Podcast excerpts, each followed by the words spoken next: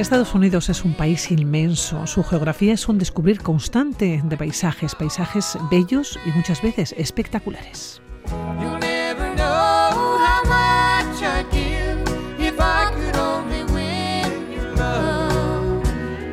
Llegar a Estados Unidos es eh, como meterse en una película. Nos encontramos con eh, paisajes que los hemos visto muchísimas veces en fotografías y en eh, películas, pero también hablamos de un país que esconde multitud de rincones de belleza extraordinaria. Javier Bañuelos, ¿cómo estás? Bueno, ¿a dónde nos llevas hoy? Creo que nos llevas a Arizona y nos llevas al desierto. Sí, bueno, es a uno de esos rincones que solo se descubren si se patea el país con tranquilidad, ¿no? Porque como ocurre en todos los lugares, uno a veces se centra demasiado en, pues bueno, en los lugares más conocidos, en los más en los más digamos más espectaculares y muchas veces nos olvidamos que metiéndonos por alguno que otro caminejo podemos encontrar sitios absolutamente increíbles, ¿no? La verdad es que Estados Unidos es un cajón lleno de sorpresas, ¿eh? en forma de estos rincones naturales que son tan, tan desconocidos como increíbles. Y en este caso nos vamos a ir al noroeste de Arizona. Muy bien elegida la música, ese country tranquilito. Sí. al lugar al que vamos a ir. Emilu Harris, sí. Sí, sí, Emilu Harris, efectivamente. Y nos vamos a ir al norte de una ciudad que se llama Flagstaff. Más o menos está al, al este del Gran Cañón. ¿Eh? Digo, por, por situarnos, porque el Gran Cañón es muy conocido por todo el mundo, ¿no? Está a 36 kilómetros al este de otra ciudad más pequeñita que se llama Tuba City, en un desvío al norte de la carretera 264 entre las millas 336 y 337, donde se yergue un molino de viento. ¿Y por qué doy tanto detalle? Lo estoy viendo el molino de viento ahora mismo, porque a través de internet ya, no, claro, ya no hay secretos. Yo estoy viendo esas carreteras largas tan típicas, no tan tradicionales que hemos visto de, Estados Unidos y que vas dejando el desierto de alguna manera a un lado, te metes dentro del desierto, ¿no? Sí, a un lado y a otro. A un lado sí, sí, sí, sí, maravilloso. ¿no? ¿no? pues fíjate, tú estás viendo el molino, pero a nosotros nos costó, nos costó verlo, ¿no? Y por eso doy tanto detalle, porque, a ver, no es que esté escondido, ¿eh? pero no es fácil de encontrar porque no hay ni una sola indicación, lo cual a veces resulta sorprendente, porque cuando llegas ahí dices, bueno, ¿y esto? O sea, es que, es que acaso no quieren que venga nadie, y probablemente sea así, porque la verdad es que eh, no hay ni una sola indicación, ¿no? De hecho, fíjate, eh, nos pasamos este punto entre las millas de 336 y 337 en varias ocasiones y no encontrábamos el desvío para, para entrar porque no terminábamos de localizar el dichoso Oye, ¿y volvías, ¿y volvías sobre tus eh, pasos, en este caso en el coche? a ver nos metimos en un, en un desvío, me acuerdo, nosotros íbamos desde Tuba City a la derecha y nos encontramos en un descampado y allí no hay nada.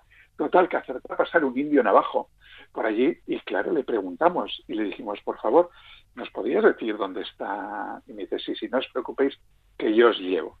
Agarró su pick-up, eh, seguidme. Y fuimos con su coche y bueno, pues allí efectivamente nos llevó hasta el mismísimo con Main Canyon, a nosotros y a una familia de, de, ingleses que andaban tan perdidos como nosotros, la verdad. Bueno, es un lugar olvidado completamente entonces. Sí, bueno, ¿sabes lo que pasa? Que en realidad está en, en mitad del territorio navajo. En la nación navajo es probablemente, yo diría que quizás la, de las primeras naciones norteamericanas probablemente sea la mejor organizada y la que tiene una extensión de terreno más amplio, ¿no? Entonces, claro, está en mitad del territorio navajo y curiosamente no está en territorio navajo, porque está en territorio Hopi. La parte superior del cañón pertenece a los navajos, pero el valle, digamos la parte inferior, eh, pertenece a los Hopi. Entonces yo creo que es mm, como que no le quieren dar mucha cancha para poder, digamos, estar tranquilos allí en su, a su rollo, ¿no? Porque ya te digo, no está muy lejos de Tuba City, donde tienes uno, una zona de, de ignitas, de, de, huellas de dinosaurios que es fabulosa.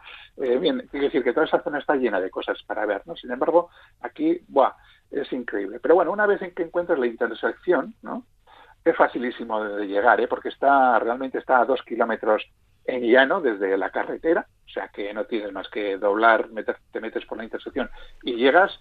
Eh, y bueno, ya te digo, puedes ir en coche o puedes ir andando. Ahora, eso sí, si vas en coche es mejor llevar un sub o un 4, un 4x4 porque el piso es de arena y bueno, pues eh, tienes peligro de quedarte pues clavado, ¿no? Pero vamos, dejas el coche allí, vas andando, te vas dando un paseo y llegas al mismo borde del Canyon. Oye, me comentabas que es sinónimo de soledad, ¿no? Entre belleza natural, desnuda y salvaje. Y es que las fotografías nos encontramos con el desierto, pero es un desierto amplio, es, es muy grande en principio, ¿no? o, da, o da la impresión y es como, no sé, perderte en el tiempo, ¿no? Las típicas llanuras estas norteamericanas que parecen no tener fin.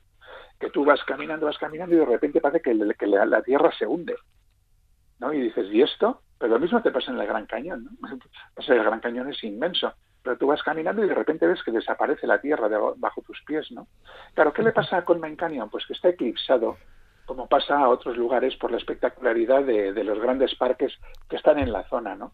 Entonces, al final, pues a nadie se le ocurre ir a y todas las cosas porque ni saben que, que existe. Entonces, claro. es un lugar totalmente solitario. Fíjate, yo he estado dos veces. Eh, la primera eh, me tiré allí dos horas, bueno, también la, la segunda también, ¿no?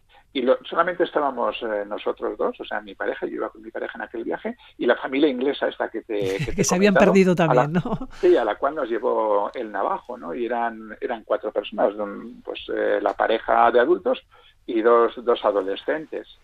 Y luego la segunda vez, que ya fui con un grupo de geólogos, bueno, miento, al de un rato de estar la primera vez fueron un grupo de escolares que fueron a ver fósiles ¿eh? O sea, pero estábamos ahí, eso, nosotros, eh, la familia inglesa y un rato después los, el grupo de escolares que fue a buscar fósiles.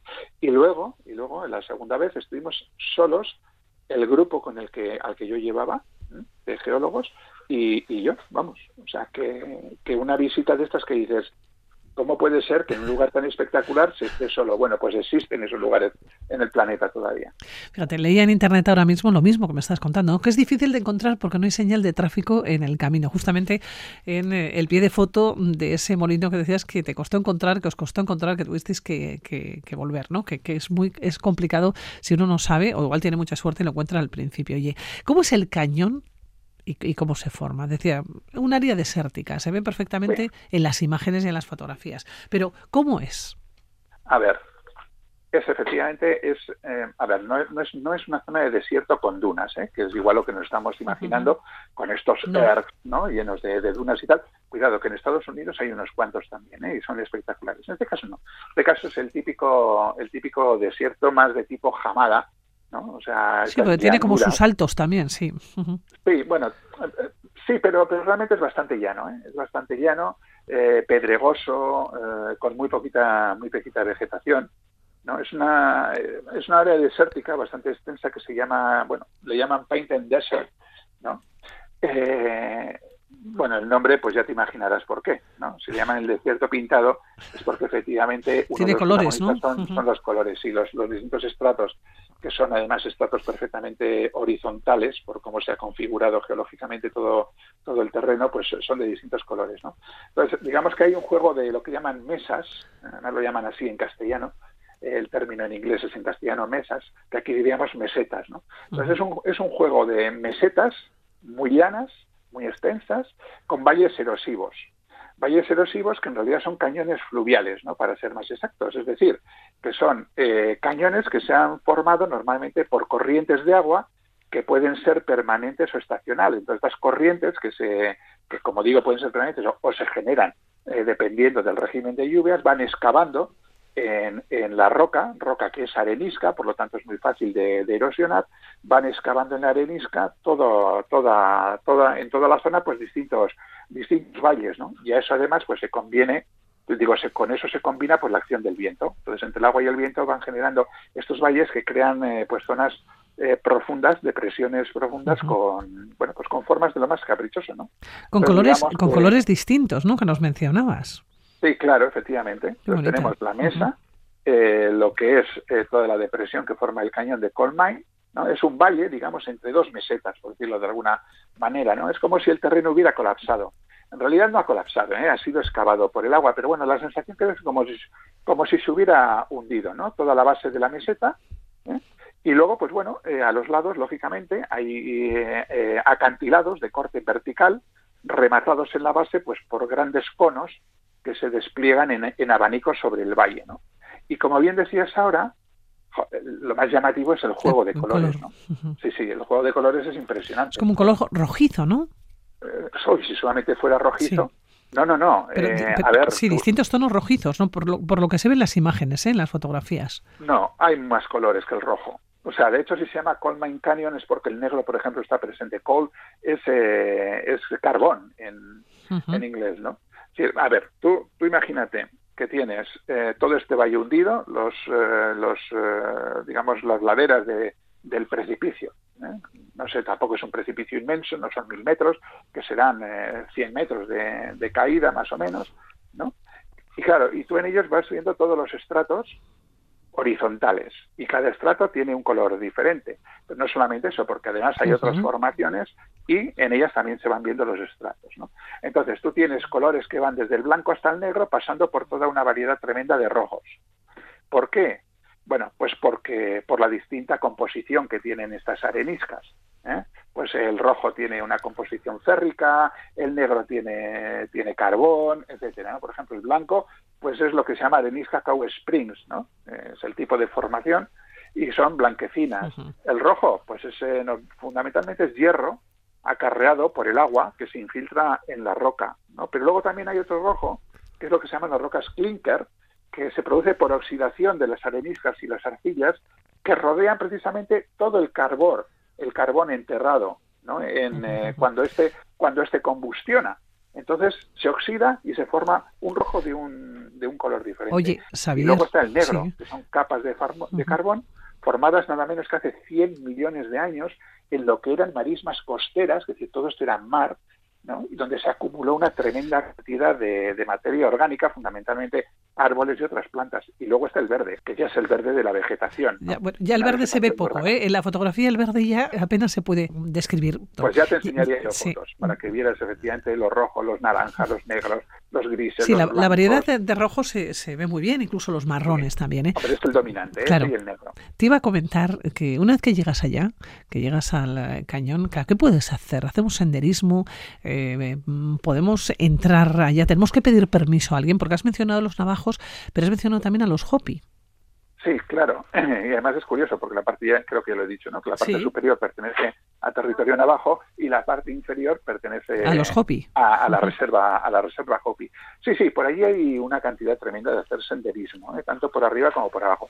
Pero sí que conviene, y es verdad, que sobre todo si bajas al valle, eh, pedir, digamos, el consentimiento de, de los Hopi, ¿no? Hay, bueno, pues hay unos unos centros de información donde tú vas y, bueno, dices, oye, que voy a ir y tal, y entonces ellos te dan, digamos, el permiso formal.